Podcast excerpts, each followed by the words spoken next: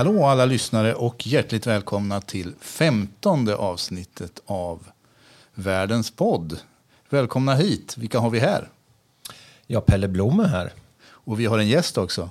Lotta Göransson. Hej, Hej. vad kul. Jättekul att ha dig här. Tack. Hjärtligt välkommen. Mm, tack. Eh, vad har hänt sen sist, Pelle? Eh, ja, för, för min del så har det varit premiär på... Eh, alltså, man säger ju sommarstuga, men jag har ju en stuga som man kan vara i året runt. Men eh, det här... Katrintorp. heter Karin. det. Karintorp. Som i tomaterna. Just det. Som det brukar det. vara. De brukar folk veta var det är någonstans. Eller i alla fall känna till det. Eh, nej men som sagt, jag brukar vara där året runt för jag tycker det är mysigt att åka ut på vintern och sådär. Men eh, nu har det varit, jag har inte haft känslan och dessutom vet vi med elpriser och Mm. grejer. det har dragit iväg även där ganska mycket då. Så att jag varit lite försiktig. Så nu var jag där ute och... ehm, Du har jobbat Ja, med händerna. Så Ja, du vet mina lena konstnärshänder, de förstörs ju av sånt där arbete. Så jag hugger ved och ett träd som faktiskt hade fallit i det här snövädret om du kommer ihåg som kom plötsligt. Så hade det la- landat som tur är precis bara på ena kanten av taket. Så jag klarade mig. Men där var jag tvungen att hugga upp och gräsklippning och plocka bort gammalt bös ifrån eh, takrengöring från förra hösten. Så att eh, jag har träningsverk idag. Det var länge sedan. Så det har varit min eh, senaste tid. Jag såg att he- hela syftet med det hela var väl belöningen efteråt. Var det inte så? Ja, du tänkte på den här eh, fantastiska fina italienska ölen som i Vinpava, som 75 som eh, ja, jo, den den, fint, så. ja, den var fin efteråt. Det är ju det är vad man får unna sig lite grann sådär, när man är på landet också dessutom. Så. Ja, du själv så har jag ägnat mig åt motorsport. Inte för egen del, men jag har tittat på det. Det har ju varit en, en, en, grymt bra helg här. Det har, det har ju dels varit både MotoGP och Formel 1. Och det har varit, det var Formel 1 från Monaco. Som ju liksom är kronan i juvelen på, på, på, Formel 1. Men vi har ju en sån otrolig grej som har hänt. Eh, Jag vet inte om ni har hört det, men vår svenska eller till och med lokale eh, Närking, Marcus Eriksson. Han har ju gjort något så fantastiskt som, det är en riktig bedrift. Han har ju vunnit Indy, Indianapolis 500. Mm, det är tydligen stort. Ja, det är inte vilken grej som helst. Absolut inte. Alltså, det finns ju, finns ju någonting som kallas för Triple Crown. Och det är ju de tre liksom, eh, finaste loppen. För, att- för att få en sån, eller anses ha en sån Triple Crown så ska man ha vunnit Monacos Grand Prix, man ska ha vunnit eh, eh, 24 timmars eh, Le Mans och man ska ju ha då vunnit eh, Indianapolis 500. Så att det här är inte vad som helst alltså. Jag såg något på Twitter. Anton Berg är ju en eh, radiomedarbetare Ja, som, eh, ja. som eh, håller på. Han klassificerar det som Formel 1 är, om vi nu gör i svenska mått mätt då, eh, det är allsvenskan. Eh, Indycar generellt är eh, superettan då. Medan det här var OS då, han på. Den här tävlingen, just den här specifika tävlingen. Ja, det är ju tydligen så att många av de här Indycar-förarna de håller högre att vinna Indianapolis 500 än att ta titeln för hela serien. Men det var ju bara 300 000. Ja, Tycker jag lite precis. dålig faktiskt publik där. Ja. Ja, ja, du har haft fullt upp med andra ord. Jag har haft fullt upp. Mm, det låter bra det. Men du, vi går vidare till eh, dagens huvudperson va? Ja, jag tänkte att eh, det här är världens podd. Ja. Det har vi ju sagt ett antal gånger. Och, och då är det ju att det fokuseras till viss del också på, Mm. på världen och resor och, och sådana här bitar. Och därför tänkte jag att idag att vi har ett resefokus. Vi, har ju, vi har ju flaggat lite för det tidigare. Mm. Ja. Att vi skulle försöka få med en gäst och en specifik gäst Mm. då också faktiskt. Som, eh, och nu sitter hon bredvid oss här och eh, hon heter ju Lotta Göransson. Men eh, rutinerad resebranscharbetare kan man ju milt sagt säga. Och eh, vi tänkte ställa lite frågor till henne idag. Men först kan du väl, mer än namnet och det jag sa, vad, vem är du? Vad, Jag heter då Lotta eh, och jag har jobbat i Örebro här då på de flesta resebyråerna i 27 år. Jag har eh, servat kunderna både på affärssidan, grupp och konferens och på privata delen. Då. Men eh, mina specialistkunskaper de sitter väl i att paketera och skräddarsy resor då lite längre bort. hur började det? Att du kom in på den branschen? Ja, som jag sa till er någon gång vid tillfälle där så, så ehm, i mina unga dagar så skulle jag bli reseledare.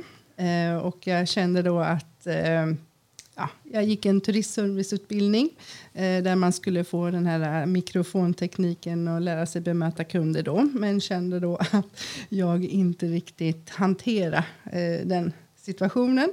Så att eh, Nej, jag skolade om mig då ja. och, och gick en IATA-utbildning istället då för ja, resebyrå. Då. Mm. Ja, IATA är då alltså det är på dator, alltså det, det är hur man bokar? Eller? En certifiering då för att kunna ställa ut biljetter och bakgrunden till hur det fungerar med mm.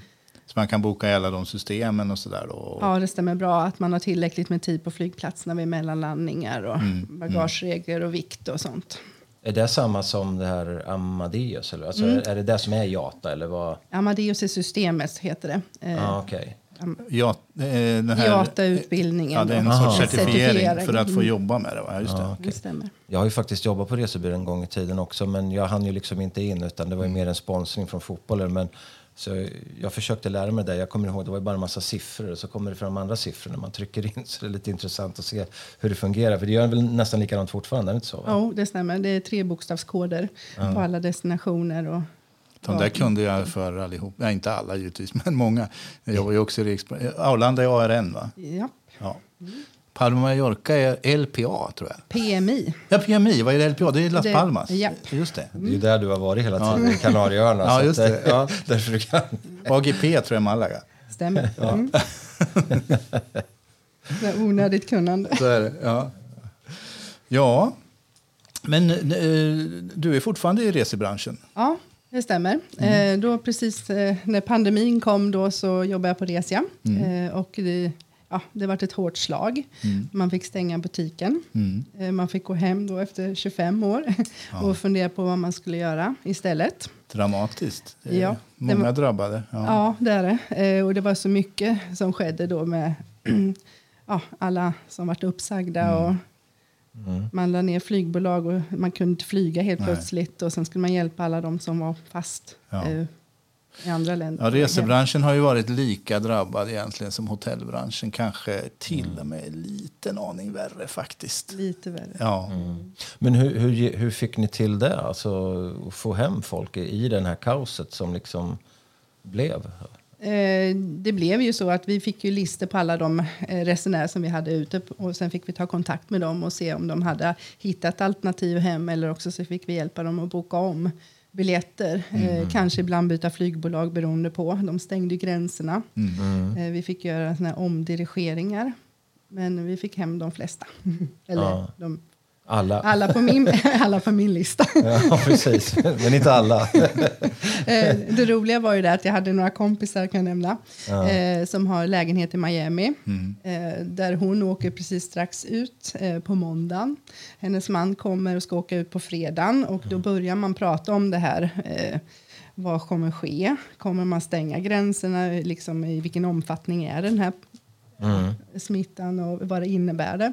Visste man inte, men hon åkte dit och såg glad ut och väntade på hans mottagande. Mm. Och då så åkte han på fredagen och tänkte jag var lite sådär, det är nog bättre att ta hem henne först då, för då har de här listorna börjat skickas ut. Mm. Eh, och eh, på helgen där då så satt jag ju då eh, och försökte hjälpa resenärer som ville hem. Mm. Eh, för de var lite rädda och var fastna.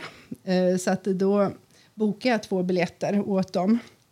Eh, och eh, så vilande sådär då. Mm. Men de ansåg att de har ju lägenheter, de kan ju ta en lite längre period. Mm. Men sen redan på måndagen så började det ske saker där borta. Mm.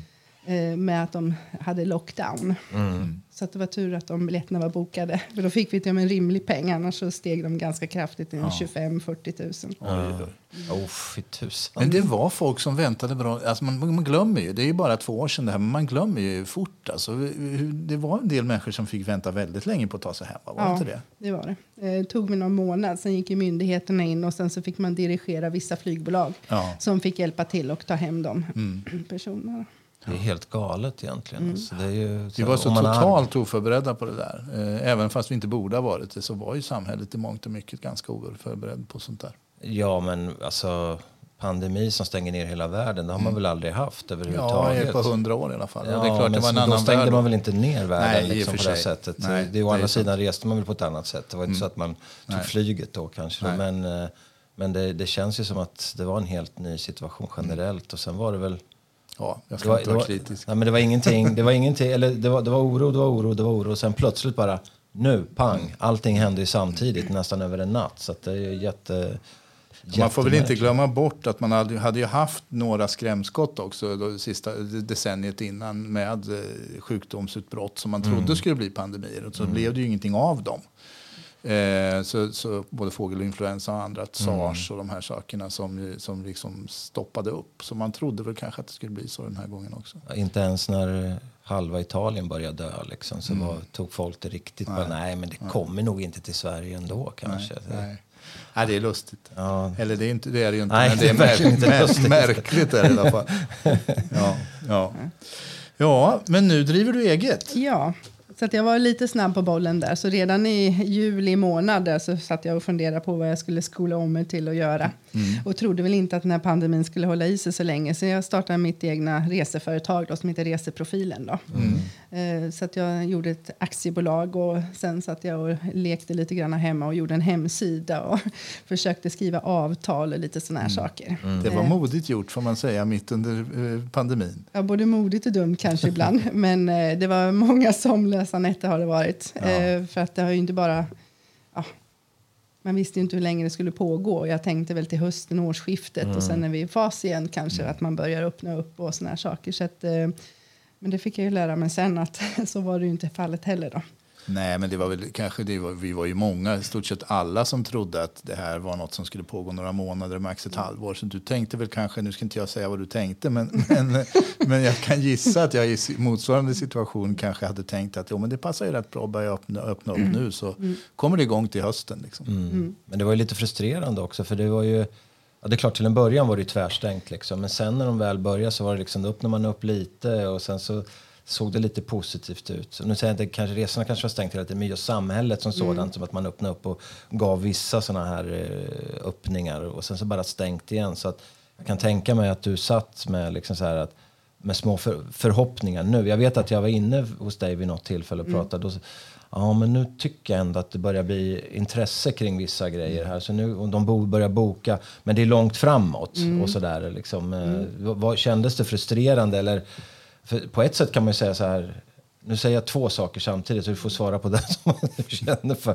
Men, eh, men att man kan tänka sig att så som man sitter idag så har du ju haft en möjlighet att eh, alltså bearbeta saker. Oh, Till, ja. så, att säga. så du var förberedd 100 procent. Ja, eh, det började ju med att jag tog en lokal där i augusti. Och då hade jag... Det var väl många som gick utanför då, för jag har den på Kungsgatan. Så att eh, bolagskön där på fredagarna, den gick ju utanför min butik. I Örebro ska vi I säga. Örebro, ja. Eh, så att det var ju många som tittade in där. Jag hade skyltat gjort jättefint och satt bakom disken där. Så sa vem fan öppnar en resebyrå nu? Det är väl ingen som kan ut och åka. Och då ville man nästan gömma sig. eh, men sen successivt då så finns det ju några som har valt att resa. Det har gått att resa på vissa destinationer då som var trygga. Men det har ju varit det här munskydden och de här eh, hälsodeklarationerna och QR-koderna och för att komma in då. Ja. Det har varit några perioder under pandemin också när det liksom tog fart och sen så bromsades det upp igen. Var det inte så? Jo, i flera omgångar. Så att under två års tid har det ju varit upp och ner. Men det har varit mycket alltså, byråkrati, höll jag på att säga, med pappersarbete för dig? Eller den typen som du nyss Ja, sa? Liksom. absolut. Så det har varit mycket fokus på sådana saker? Mycket fokus. Man har ju suttit och tittat på varje lands inresetillstånd och krav och vad som behövs till vaccination eller behövs det då ja, PCR-test då som man var tvungen att ta då. Som, fick gäll, ja, som skulle gälla då så att man var helt frisk när man kom in i länderna då. Så du är expert i princip på alla sådana där saker? Ja, absolut. För- Förutom just själva resor så alla, Ja, ja. alla regler och lagar? Och Väl grejer. påläst. Ja, men det är bra. ja. Och sen nu tack och lov så har det släppt i stort Ja. sett helt. Ja, det är så nu eller? Ja. Är det lite ketchup-effekt till och med? Mm. Det är Ja. väldigt mycket att göra nu istället. Mm, Så det är mm, kul förstår. att det har Jag vänt. skulle önska att du hade dubbelt så stor byrå och dubbelt så många anställda kanske. Och Ja, så där kan det vara. Det är, Så som när kan man, det vara. det är som när man håller på med hotell som jag har. Ibland skulle man ju önska att man hade, att man hade 300 rum istället för 136. Och Ibland skulle bara man ju tio. önska att att det hade varit 10. Så har det ju varit. Det är svårt att räcka till. Ja, så är, så är. Du, jag måste bara fråga en sak innan. Eh, under, nu när du har startat den här resan, har du under de här åren du har jobbat på resebyrå, har du, har du lekt med tanken att ha en egen Ja, tidigare? Liksom, det har jag gjort eh, i alla fall en 15 år tillbaka. Ja, det är till och så med jag har så. skrivit affärsplaner, ett par stycken, Ja, som har okej. legat i min dator. Mm. Då var du väl förberedd kan man säga. Det var jag. Eh, och nu har man ju haft den kunskapen och den erfarenheten och man har kontakterna. Eh, så att då gick det ju lätt nu då att starta upp då. Men eh, mycket som ska ja, till. Det är mycket avtal, det är mycket med resegarantier och sådär också. Så att det är folk extra upplysta nu om en sån här efter en pandemi då när många inte hade fått pengar tillbaka Nej, och som har blivit det. instående. Just det, just det. Men nu är det bara trygga kort som gäller. Ja, det. Men du, ehm, Lotta. Eh, ni är en sorts, eh, på reseprofilen, specialistresebyrå, kan man säga det? Ja, jag har väl nischat mig lite grann. Mm.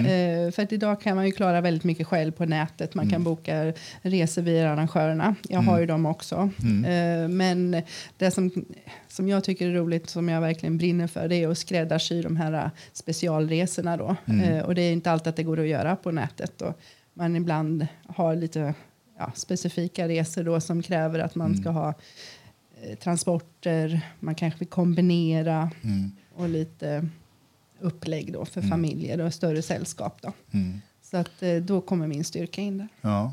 För det har ändrat sig väldigt mycket. Va? Har det inte det när det gäller resebyråbranschen? När jag, jag, jag har ju varit reseledare en gång i tiden och jag är så gammal så att det var ju redan på 80-talet som jag jobbade som det och i början på 90-talet. Och på den tiden så såldes ju i stort sett alla våra resor, jag arbetade ju för fritidsresor på den tiden, genom resebyråledet. Vingresor de hade ju sina egna butiker men, men fritidsresor sålde ju, nuvarande TOI, de sålde ju i princip allt. De hade någon, eh, någon butik i Stockholm och lite sådär. Men annars så, och kanske på några andra orter, men annars så såldes de 90 procent av alla re- resor genom resebyråledet. Men så är det inte riktigt längre va? Ehm, jo, det finns ju resebyråer fortfarande då. Ja. Men ehm, det är väl beteendemönstren då, att allting är så lättillgängligt Mm. på internet idag. Mm. Men samtidigt förstör det väldigt för många också Mm. för att det finns så stort utbud där och dynamiska priser. Så Mm. att, och de här jag känner ju igen IP-adresserna så att hela tiden ökar ju resan lite grann varje gång. Mm. Så att då blir folk osäkra och man vill Mm. kanske inte klämma till med köpet så att eh, då vill de rådfråga. Så Mm. att,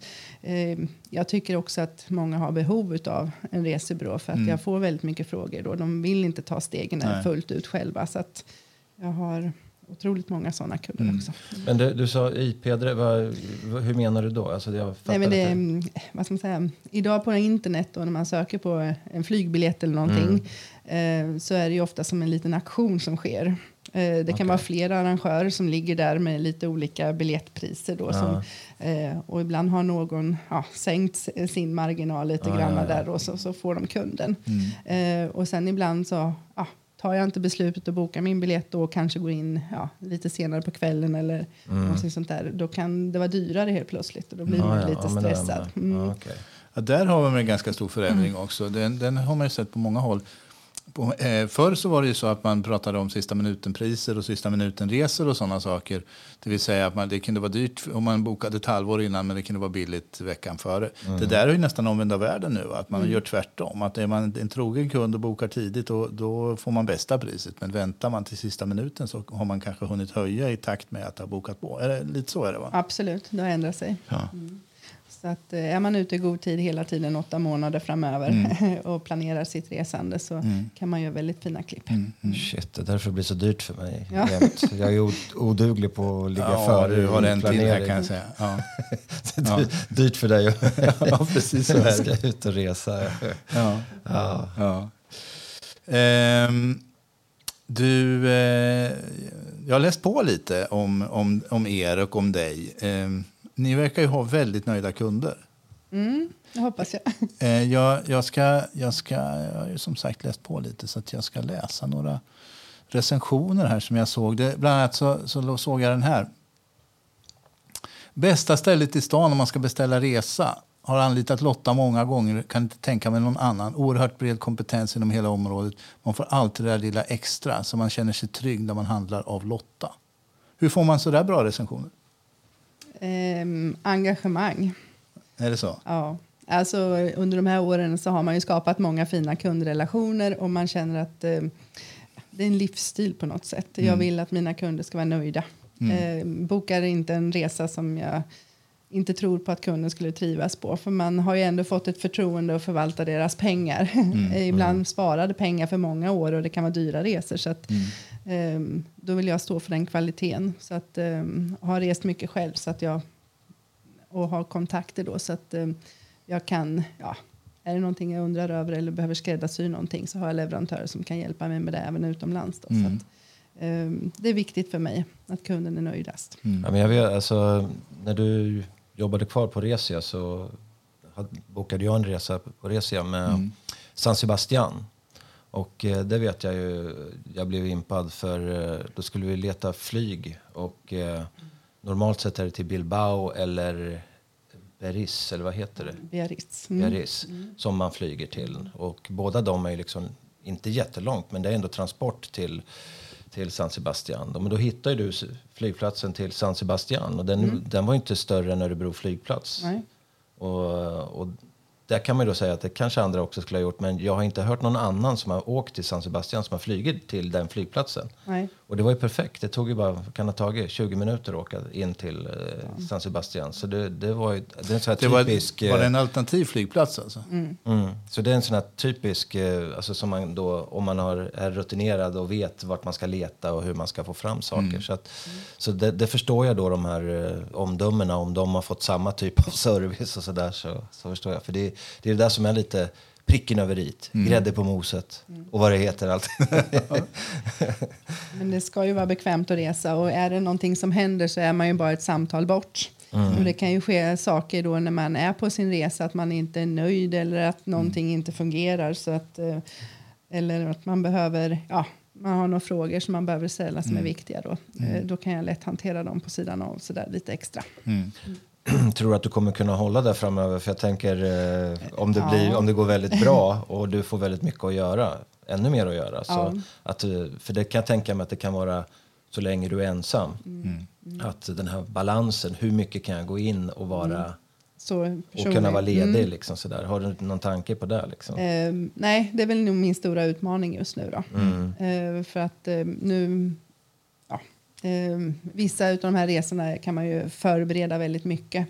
Eh, och man har ju hela tiden möjlighet att smsa och mejla och sådana saker. Och, eh, är det stört akut så finns det ju då, eh, man bokar hos arrangörerna så har ju de 24 timmars service. Så att det är inte bara jag personligen som behöver ta hand om det utan Nej. de är, kunderna är trygga även då med sådana typer av support i bakgrunden då. Mm. Men eh, de som känner mig väl och sånt, de skickar ju ett sms på mig eller Messenger eller någonting I alla sånt. fall då, om så. det, så, ja. Samtidigt är det kul för mig också nu under pandemin då att man har den här eh, möjligheten att vara lite mer uppdaterad och lite mer personlig för då vet jag att de har kommit fram, det fungerar, jag får samtidigt lära mig någonting hur det går till på platserna nu då. Funkar transporten och hur ser det ut där och, och lite såna här saker så att eh, man lär sig otroligt mycket samtidigt. Då.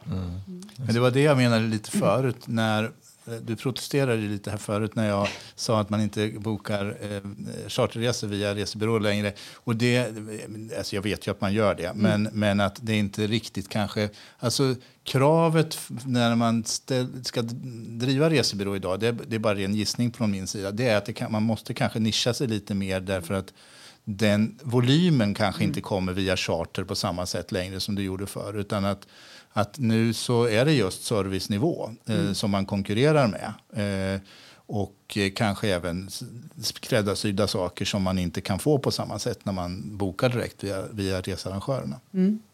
Så är det. Ja, Lotta, hur, har du något favoritresmål? Eh, ja, det har jag väl. Jag har fått ett nytt. Eh, Jag har precis varit på Maldiverna. Oj. Mm. Väldigt exotiskt, fantastiskt. Ehm, så att, ehm, det var väldigt trevligt. Eh, vad var det som var fantastiskt? Kan du berätta? Ja, det var jättekul då när man kom fram då eh, och man skulle få sätta sig i ett sjöflyg eller sjöplan, seaplane. Eh, och ehm, då är man väl ungefär 15 personer det tar. Eh, och sen så får man ju då åka ut och över vattnet där och så ser man alla de här små öarna som poppar upp då. Eh, och så är det ju då fullt med olika resort då som ligger där och väntar. Eh, och vi landar ju Eller- på vattnet. Ja, precis. Och sen så... Ja, det är sådana här pontonflygplan alltså. Japp, det är det. fränt. Ja, det var väldigt fränt och väldigt fint och turkost när man landade. Mm. Eh, och sen så är ju öarna inte mer än två kilometer i ungefär i omkrets då. Eh, och fantastiska miljöer, alltså turkosa nyanser och Mm. boendena. Är det lyxiga boenden eller, ja, eller var det där du var på? Eller vad, hur ser det ut? Är det liksom, kan man... Är, det, är det både lyx och lite enklare eller hur ser det Absolut. ut? Det öarna skiljer sig lite grann sinsemellan för de har lite olika faciliteter då. Så det finns alla nivåer. Eh, lite enklare varianter till då superlyx då. Och nu var vi på en studieresa då så att vi var fyra personer då som fick åka. Eh, och sen så fick vi då uppleva då de här olika typerna av boendena som finns på öarna. Då. Det kan vara bungalows och det kan vara med pooler och det kan vara vattenvillor. Då, så att det är fant- jättefina boenden. Så, då, så att man klagar ju oftast inte på vilken ö man hamnar utan det är samma fina vatten och stränderna är kritvita. Va, vad gör man där? Ehm, ja, vi trodde att det skulle vara helt lugnt, eh, men det finns väldigt mycket aktiviteter. De är fantastiska rev som ligger precis intill då, så att man får snorkelutrustning. Man kan paddla på SUP och man kan åka på eh, fisketurer.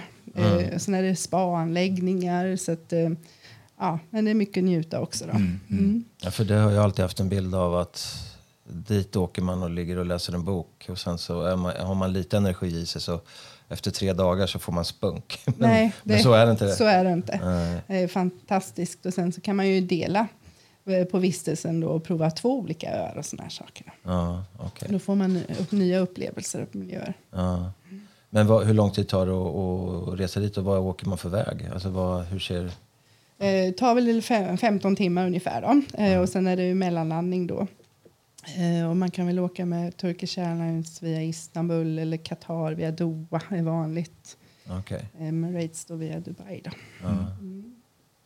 All right. Andra? Har du några andra som, eh, alltså som favoritresmål? Som, Eh, tycker jag om att åka väldigt mycket till USA också. Mm. Så Har du varit mycket där? Eh, ja, i Florida ett par omgångar och sen i Kalifornien någon gång också. Mm. Så det är kul att ha de här lite roadtrip och väldigt aktiva resor. Då. Ja, ni har gjort roadtrips. Alltså. Det är fränt, det har jag alltid velat göra. Ja. på båda ställena då? Eller, Eh, eller det är väl mest Kalifornien misstänker jag? Eller? Eh, ja, Kalifornien var det där. Eh, med litet avslut i Las Vegas som var väldigt spektakulärt. Så att, eh, det var kul. Eh, och sen i Florida eh, så har man ju åkt längst ner mot Key West. Och sen även över på andra sidan då mot Tampa och flugit hem därifrån istället. Då, för man kan göra väldigt mycket kombinationer. Mm. Och där finns det ju en favorit då som heter St. Pete's Beach. Då. Ja, Okej, alltså i Tamp... Eller? Ja, nedanför Tampa. Ja, okej. Otroligt vackert. All right. Ja, kopplande fin miljö. Lite mot den karibiska sidan då. Ja. Får ni fortfarande göra en del studieresor och sådär, ni som jobbar med resebyrå? Det Som förr så upplevde jag att man fick åka väldigt mycket. För Researrangörerna bjöd ut en till att prov, liksom testa. Mm, det är fortfarande så, fast kanske inte i samma utsträckning. Ah, okay. Eh, Förr kunde man ju åka fyra gånger om året. nu blir det någon gång om året, eller två om man har tur. Ja. Jag minns ju, alltså jag, nu, återigen, på min, min gamla reseledartid. min tid. Ja, ja. Jag var ju liksom mottagarparten då, så när, när eh, resebyråernas eh, agenter kallades man för. Kallas ni fortfarande för agenter? Vi är agenter. Ja. Mm. Vi tog ju emot ute på resmålen och vi ville ju gärna att, att resebyråerna skulle sälja våra resor och våra hotell och sådär. Så att det var ju, får erkänna så här efteråt, det kan man väl erkänna nu, det har gått 30 år så det är preskriberat. Det var ju väldigt, väldigt tillrättalagt sådär. Det var ju inte så att vi visade några dåliga hotell eller några dåliga hotellrum eller någonting sånt utan man fick ju alltid se det bästa och det var ju väldigt eh, trevliga middagar och sådär. Så att, eh, ja, det, har säkert, det har säkert sina fördelar att Ja. arbeta med resebyrå. Mm, absolut, det har det ju. De resorna är ju oftast med guldkant. Ja, Just ja. för att. Ja, det, precis. Det ska, Jag har faktiskt varit på några sådana också. Men, eller, det var mer så jag kommer ihåg man... eh, Det var för att kunna få en lite billigare resa till so- sommarsemestern. Så tog man en dag och fick åka runt och kolla, Ja. kolla på hotell. Och det var väl därför de till slut började sätta in, man fick skatta för det där vet jag. Att nå- någonstans under den tiden där jag i slutet eh, av den tiden på resebyråerna så vet jag att det blev så här, "Nej, nu får ni börja skatta på det här. Och, och då var det inte lika attraktivt längre. Eh, så att det blev lite annorlunda. Då. Men, ehm, Ja, men det var, var, var en bra tid. Det är mycket bra. Mm. Du Pelle, vad, har du några så här resor som du har gjort med riktig wow-känsla ungefär som, som Lotta berättar om Maldiverna här? Ja, alltså jag, jag är ju, det är bara att erkänna att, och det är mycket beroende på idrotten, att mm. eh, jag har varit bortskämd och fått resa rätt mycket faktiskt mm. på olika ställen runt om i världen. Och, och eh, det, det bär mig lite emot ibland att man, jag märker att man är lite blasé. Eller det kanske låter väldigt negativt, eller hur ska jag säga? de här riktiga wow-känslorna inte riktigt infinner sig på, på samma sätt som det gjorde förr. Men det är därför jag vill plocka fram några grejer som jag... Eh, alltså, första gången jag fick, kunde resa till Asien, det var med fotbollen då. Efter, mm. efter en säsong vi hade samlat ihop pengar så vi kunde åka iväg. Och, det var till Bali och Singapore, en kombinationsresa. Då. Det låter ju ganska trevligt. Ja, och då, jag menar, jag hade nog, det var ju Kanarieöarna man åkte till jämt vid den tidpunkten. Det gjorde ju alla. Var det träningsläger på vintern då? Eller? Ja, det kallades ju för träning. Jag tror att vi har pratat om det i podden ja, det. det. var ju för det att slippa skatt. Så mycket Nej, men det var ju för att nej. slippa skatt, men då la man det på resor istället. Nej, men man förstår att det, blev, så. att det blev Kanarieöarna för att det var ju det som låg närmast på vintern som man kunde resa till. Ja, det var det längsta fast det närmaste så att ja, säga, liksom, på ja. den tiden då. Så, att, så just det här 87 var en sorts brytpunkt med, för oss då, liksom, där, man, där vi började, började kunna resa lite längre. Och, och just när, jag kom, när man kom till Bali och kanske ännu mer Singapore, den här äh, asiatiska känslan att komma dit. Det var så helt annorlunda i, mm. i i miljön och stämningen och känslan kring allting man såg. Och jag, jag, liksom, jag tyckte det var så otroligt häftigt. Och jag vet första gången i Singapore man gick ut i någon park och satte sig och käkade eh, mat med pinnar och grejer. Och man fick i sig sin första chili och höll på att dö. Och mm. skulle liksom med ölen försöka svalka och det blev bara ännu värre. Och så Alltså det, hela den här känslan var det var verkligen en wow-känsla. Och hotellet vi bodde på på Bali med liksom bar i poolen. Man simmade fram och tog mm. sin öl och sånt där. Det är vardagsmat på rätt många hotell nu för tiden. Då. Så, men då kändes det liksom, hade man aldrig varit i närheten av. Så, så mm. den känslan var helt, helt grym. Sen vet jag också första gången jag New York, det var ju året efter, det var också med fotbollen. Då. Det var ju mm. Florida var vi och sen så New York. Och New York, det, det, liksom, det tror jag alla får en wow-känsla när man åker till första gången och går omkring på de här gatorna. Man har sett filmer och, mm. och sett massa andra saker. Och man går och tittar upp hela tiden och håller på. Och, ja, du var ju rätt ung då också va? Ja, det, det blev 88. Jag vet inte hur gammal jag var. Det. Jag orkar inte räkna efter, det är så länge sedan. Men, eh, nej, men det var ju, New York då var ju ganska så ruffigt. Alltså, det hade inte riktigt städats upp. Så vissa delar var ju farligt att gå på vid den tidpunkten, kommer jag ihåg. Så det var ju... Det var inte helt som idag där man kan vandra runt uh, vad man vill egentligen då på Manhattan. 21 var du? Tack, du sitter ja. där snart. Ja. Nej, men och sen även Dublin, första gången jag åkte till Dublin 1992. Det är liksom mm. tre sådana här wow-känslor jag hade. För det var, ingen, det var nästan ingen som åkte till Dublin heller då. Jag har ju pratat i den här podden väldigt mycket om Irland och, och min mm. Irlandsvurm. Och det här var ju liksom första gången jag kom dit och det var helt, eh, jag bara wow, som sagt. Mm. Själv då, Patrik? Ja, trots att jag har liksom varit, ut, varit utomlands eh, nästan två decennier av mitt liv så jag är inte så otroligt berest faktiskt. Utan det har ju varit mest Europa för mig alltid. Även om jag har varit mycket i Europa runt omkring. Liksom. Eh, främst Sydeuropa då. Mm. Men det är klart, det går inte att komma ifrån. Det finns ju en del sådana här, Barcelona tycker jag är grymt mm. häftigt. Alltså. Det finns en restaurang i Gamla stan som heter El Catregats. Eh, de fyra katterna som är en sånt här legendariskt ställe där Picasso har suttit under sin tid i Barcelona och där, där man liksom får äta på gammalt sätt. Jag vet inte riktigt hur jag ska förklara det. Det är, det är, liksom, det är, det är grymt bra mat, det är grymt häftig miljö och det, är alltså liksom, det finns inte en kypare som inte är man och det finns ingen som är under 50 år och de har på och jobbat med det här hela livet. Och det är liksom sådär att det är de som bestämmer. De vet allt om mat. Och står du i vägen mellan två bord när, du, när de kommer så, så springer de ner dig. För att där, du, du har inte fattat att du inte ska stå där utan då får du skylla dig själv om du blir omkullsprungen. Liksom. Det, det, det, är så, det är så vad ska jag säga, det är så på riktigt på något sätt. Det, mm. det, det, det, det, det är wow för mig faktiskt. Mm, ja, men det förstår jag. Det är lite som supnazin i, mm. i New York som var på Seinfeld-grejen. Mm. Mm. Det lockar genom att han är otrevlig. Det låter mm. nästan lite samma sak här. Att de, folk vill gå dit för att bli förolämpade mm. eller, eller åtminstone översprungna kanske ja. för att det är genuint. Mm. Det, är liksom, det är på riktigt men det är, det är verkligen liksom på restaurangmänniskornas eh, villkor. Men jag tänkte det är inte så konstigt att du kanske inte är det, för du har ju bott utomlands och, mm. och jobbat mm. utomlands. Mm. Så att jag menar, det blir ju din resa kan man säga, ja. att du har, var, du har liksom varit där. Mm ständig resa ja. under den perioden. Liksom. Ja. Så det är inte så konstigt egentligen. Nej. Och man blir, jobbar man så blir man ju också mer fast på en plats. Så, mm. så är det. Då, man får uppleva landet på ett helt annat mm. sätt än vad man får när man reser. Men man blir ju inte så berest. Man kommer inte till så många ställen. Nej, men det behöver man ju inte alltid. Nej. Ibland kan det vara rätt häftigt att mm. lära känna ett ställe ordentligt mm. istället för att göra små hopp här och där. Mm. Liksom, mm. sådär. Har du något ställe som du känner mer hemma än är det USA? Eller? Eh, nej, jag tycker väldigt mycket om Grekland också. Ah, okay. Mm. Ah, något eh, specifikt Grekland eller plats där? Eller? Jag har väl kanske inte återvänt till samma plats hela tiden utan jag vill ju gärna prova på med mitt yrke då lite olika destinationer mm. så att man får en känsla för det när man ska sälja. Då. Mm. Men Parga är väldigt eh, charmigt, mycket mm. trevligt och sen mm. så även Tassos var också en sån där som jag fick en bra känsla på då som var väldigt charmig och hade det här genuina grekiska. Det var inte bara turistort och uppbyggt. Mm.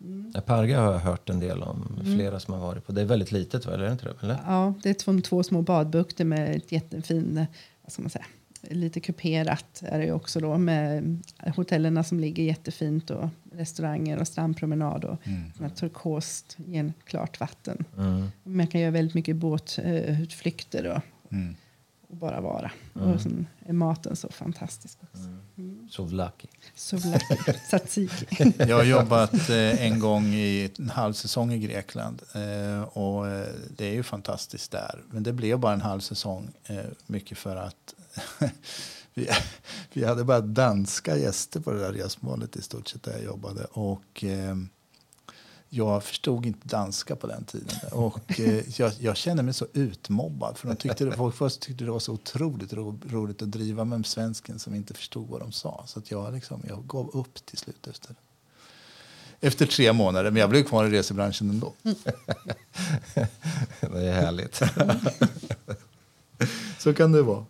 Du Lotta, eh, vi vet ju båda, eller alla tre, att det sker väldigt mycket i resebranschen. Eh, mm. det, det, alla har vi sett Sällskapsresan som eh, är faktiskt en vansinnigt rolig film. Speciellt om man jobbar i resebranschen, eller hur? Ja, det är det ju. Man känner igen sig mycket. Den är ju klassisk och ja. självklar. Ja.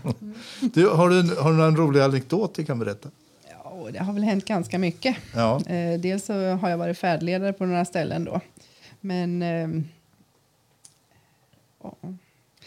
jag har själv gjort någon sån där tabbe en gång när jag skulle åka på en kryssning. Ja. Hade några extra dagar, var i Barcelona då i anslutning eh, och kände att jag handlade alldeles för mycket. Jag hade lite fritid där att shoppa. Mm. Eh, köpte lite hastigt då, för jag åkte Norwegian och får man två väskor man kan checka in. Mm. Jag köpte sen ett litet extra bagage. Eh, hade väl inte bekantat mig med väskan men vi åkte iväg på resan och sen var det dags att resa hem. Mm. Eh, kommer till Kastrup, då, Köpenhamn, där, eh, och ska byta flyg och åka hem här till Örebro på den tiden. gick det då. Eh, står på rullbandet och tar en väska. Tror att det är den nyköpta. Ah. ah, så jag kommer fram till säkerhetskontrollen och hon ber mig öppna väskan och ser då att innehållet är en mans kläder och jag kände då lite stress. ja, pulsen ökar lite. Sådär. Vad sa du då? Sa du det är inte mina Det är grejer. inte min, min väska, sa jag. Och då var ju hon lite stel, tryckte på en knapp eh, och security kom där då. Ja. Eh, och det var ju liksom ajabaja. Men då frågade hon då, när tog du väskan? Jo, jag tog den för typ två minuter sen. Mm. Mm. Vilken tur du har nu, så. För annars hade det blivit kanske något rättsligt, inte vet jag. Ja. Ja. Eh, för att det är ju så att den personen som står och väntar på den här väskan då, han kanske har anslutningsflyg och sånt. Det får mm. inte gå ja, en viss tid där då, för mm. då hade det nog skett något annat. Då. Men jag fick gå tillbaka till bandet, lägga tillbaka väskan och sen så kom min nya grå. Är du säker, sa han. Jag tror det, sa jag. Är du säker? Jag tror det. Mm. Så att jag fick öppna den eh, på plats med honom då som vakt och ja. det var ju mina grejer där. Ja. Så det var en sån här pinsam grej som jag genomlevt. Ni vet väl att folk i resebranschen är alltid värst Ja, med att faktiskt. göra grejer. Jag tror jag har missat flyg åtminstone tre gånger i mitt liv. Och det har varit allt från att man optimistiskt åkte till flygplatsen med minsta möjliga marginal till att man har suttit i baren och flyget har gått och sådär. Så det, det, det, är som, det är som skomakarens barn som Mm. inte har några skor. Det, Ibland är det sådana saker som händer. Det har Ja. hänt fler Ja. grejer. Ja, berätta. Åh, Om du, kommer, om du kommer på något spontant så gör gärna det. Det är alltid roligt. podd, det är jättebra. Vilket förtroende de får för mig då. det kan vara gammalt preskriberat. ja, det är preskriberat. Det var länge sedan nu då. Men då var vi på en, en kryssning i Karibien skulle göra. Eh, och vi hade haft eh, ja, två, tre i sällskapet där som har varit sjuka. Så att jag hade ganska stressigt innan vi skulle kliva på det här kryssningsfartyget. Då. Du hade 16 personer med mig tror jag det var. Eh, och ja, i all hast då så hade jag min dåvarande sambo med mig. Eh, så att han tog hand om väskorna och jag fick sköta passagerarna eller resenärerna. Eh, och slänger ner våra pass i resväskan. Eh, tror ju att han är så fyndig och tar upp det där. Liksom. Men gör inte detta. Och skickar det på bandet alltså. Mm, eh, så att, eh, Aj, aj, aj. Nej, ännu värre än så var det. Eh, så att, han hade inte heller speciell koll. Eh, så att när jag följer med det här paret då för att hämta ut lite medicin på ett apotek för att sen ansluta till de här de övriga då i terminalen då vid det här kryssningsfartyget då, så, eh, så möter han upp mig och jag frågar vad väskorna är. Jag har ingen aning, säger han. Nej, sa jag. Men ja, jag hade så fullt upp med de här övriga passagerarna och så till att de hamnar rätt och så att jag glömde bort våra väskor, säger han lite snabbt där då. Jaha, säger han, men hur som helst har ju du passen. Nej, så de låg i väskan, sa jag då. Eh, så att det var ju så här då att vi såg ju alla kryssningsresenärerna, de klev ombord. Eh, De började släcka ner den här terminalen och vi sprang runt och letade efter två resväskor med passen i dem. Och jag tänkte det här får inte hända, det här får inte hända. Man såg hur de sattes i restaurangen där då innanför genom de glasrutorna Eh, och vi var lite svettiga. Men vi hade ju personal då som hjälpte till. Eh, Men det han hade gjort det var att han hoppade av bussen, tog inte med sig väskorna då, så de stod utanför terminalen, tack och lov. Ah, Så ni hittade dem Mm. Vi där? hittade dem, så fick vi kliva bord, lite, eller ombord då, och Mm. skämmas lite. Eh, och pusta ut såklart. För att sen sätta oss och äta middag med dem då, så det krävdes ett glas vin. Men det är ändå lite fint, ni bryr er mer om dem som de andra då. Liksom. Det är väl lite o- icke-egoistiskt. Ja, ja, gud ja, så, Så är det ju. det- Mm, så att- kan man ju vända på det och se det som en fin sak. Ja, annars hade jag fått ansluta i nästa hamn. Lite snyggt. Tänk om när alla andra hade försvunnit. Då, så att det, Mm. Ja, nej, de, de kom och tryckte ombord. Det var en själv som fick lida. Du, eh, en, eh, tror jag, kanske sista fråga, jag vet inte. Men, eh, men det är alltid så här framtiden och resetrender. Ser- Ser du någonting som, som sker som eh, kanske i, i spåren av pandemin eller någonting som kanske hade skett i alla fall som kommer påverka oss resenärer som du tror? Det kanske inte finns något, men eh, är det något du ser med framtidens resande? Jag tror att folk kommer vara väldigt mer förberedda framöver. Eh, Man kommer se till att passet är giltigt och man kommer välja destinationer kanske som är tryggt och med arrangör och lite sådana saker då. I, beroende på hur utgångsläget nu så att det inte kommer några nya pandemier eller avkoppor eller vad man nu ska säga. Det, är en ganska, det har varit en ganska tuff resa hela vägen då. Så att, eh, Men nu i sommar här så är det många som har problem med pass. Ja, Så att ehm, vi får Ja. se. se vad som sker med det. då. Men, Eh, ja. Och trender är väl det att folk lägger och har sparat kanske lite pengar så att de vill åka lite längre. Mm. Märker vi då. Är det svårt att få tag i resor nu? Är det, så, är det sånt tryck på det nu så att det börjar ta slut? Eller? Nej, slut ska jag inte säga att det, det finns resor. Mm. Mm, det gör det. Sen kanske det inte är så billigt i år. Nej, det är förstås. inte. Men det är ju så. Det är, det, det, det, det, man jobbar väl med dynamisk prissättning i resebranschen precis som i hotellbranschen och Ja, tåg ja. och flyg och allting. Ja. Man märkte då när kriget eh, ja, tog fart här lite grann då Mm. att då vart arrangörerna lite rädda och valutan och Mm. sånt kommer i gungning och det gör ju att då lades det ju en ganska kraftig ökning där Mm. på en gång. Ja, för det tänker jag, det är ju en, en grej som jag då som lekman skulle kunna tänka sig när man läser och lyssnar att, att just där, alltså vi har ju varit så otroligt bortskämda med sjukt billiga flygpriser. Eh, är det, tror du, någonting som att det kommer bli dyrare att flyga framöver? För det är inte bara just med pandemin, det har ju med miljögrejer att göra också. Så flyget är ju ganska motarbetat på många håll. Utav, Mm. kanske. Men jag tror att det bara det släpper så tror jag att alla flygbolag ko- kommer ta igen detta så att det kommer komma en konkurrens också. Tror det? Ja, Mm. det, så att eh, biljetterna kommer nog bli som förr. Det tror jag nog. Mm. Jag tror inte att det kommer bli för mycket dyrare för då vill inte folk resa. Nej, tillfälligt kan det nog bli Mm. så. Sen som Till- kanske på sikt så kommer miljökrav och sånt göra. Ja. Och sen om det blir via, skatter eller krav på modernisering av flygflotta Mm. och sånt som kanske driver upp priserna. Men det kanske också jämnar ut sig på sikt. Ja, och nu är ju så att nu jobbar man med hållbarhet inom alla delarna med utsläpp och Mm. även kryssningsfartygen och alla researrangörerna har ju hållit på med någon form Mm. av hållbarhet och man klimatkompenserar flygen för att det inte ska kännas så flygskam eller dylikt. Då. Mm. Mm. Så att det, det paketerar man oftast med i priset. Då. Ja, okej. Ja, vi närmar oss slutet tror jag. Eh, av inte... Alltså av podden. Ja, Det där lät ödesmättat. The end is near. ja, precis. Eller det är det ju inte. Eh, stort tack till dig Lotta för att du vill komma hit och, och dela med dig av din, eh, din eh, källa utav kunskap. Mm, Mm, tack för att jag fick komma. Mm. Mm, och eh, vi rekommenderar väl alla att besöka reseprofilen på Kungsgatan i Örebro. Ja, det tycker jag ju absolut att man kan göra. Mm. Ju, även om inte det här är ett reklaminslag så är det ju ändå så att jag tycker nog det ändå. Absolut. Toppen. Eh, tack alla lyssnare. Eh, vi kan väl påminna också om vår, hur man kontaktar oss. Va? Ja, det kan du göra. Ja, eh, det gör man enklast via vår e-postadress eh, vardenspodd.gmail.com. Så tackar vi för eh, det här avsnittet och så hörs vi om två veckor igen. Det gör vi. Ha det bra allesammans. Hej hej! Hej. Hej.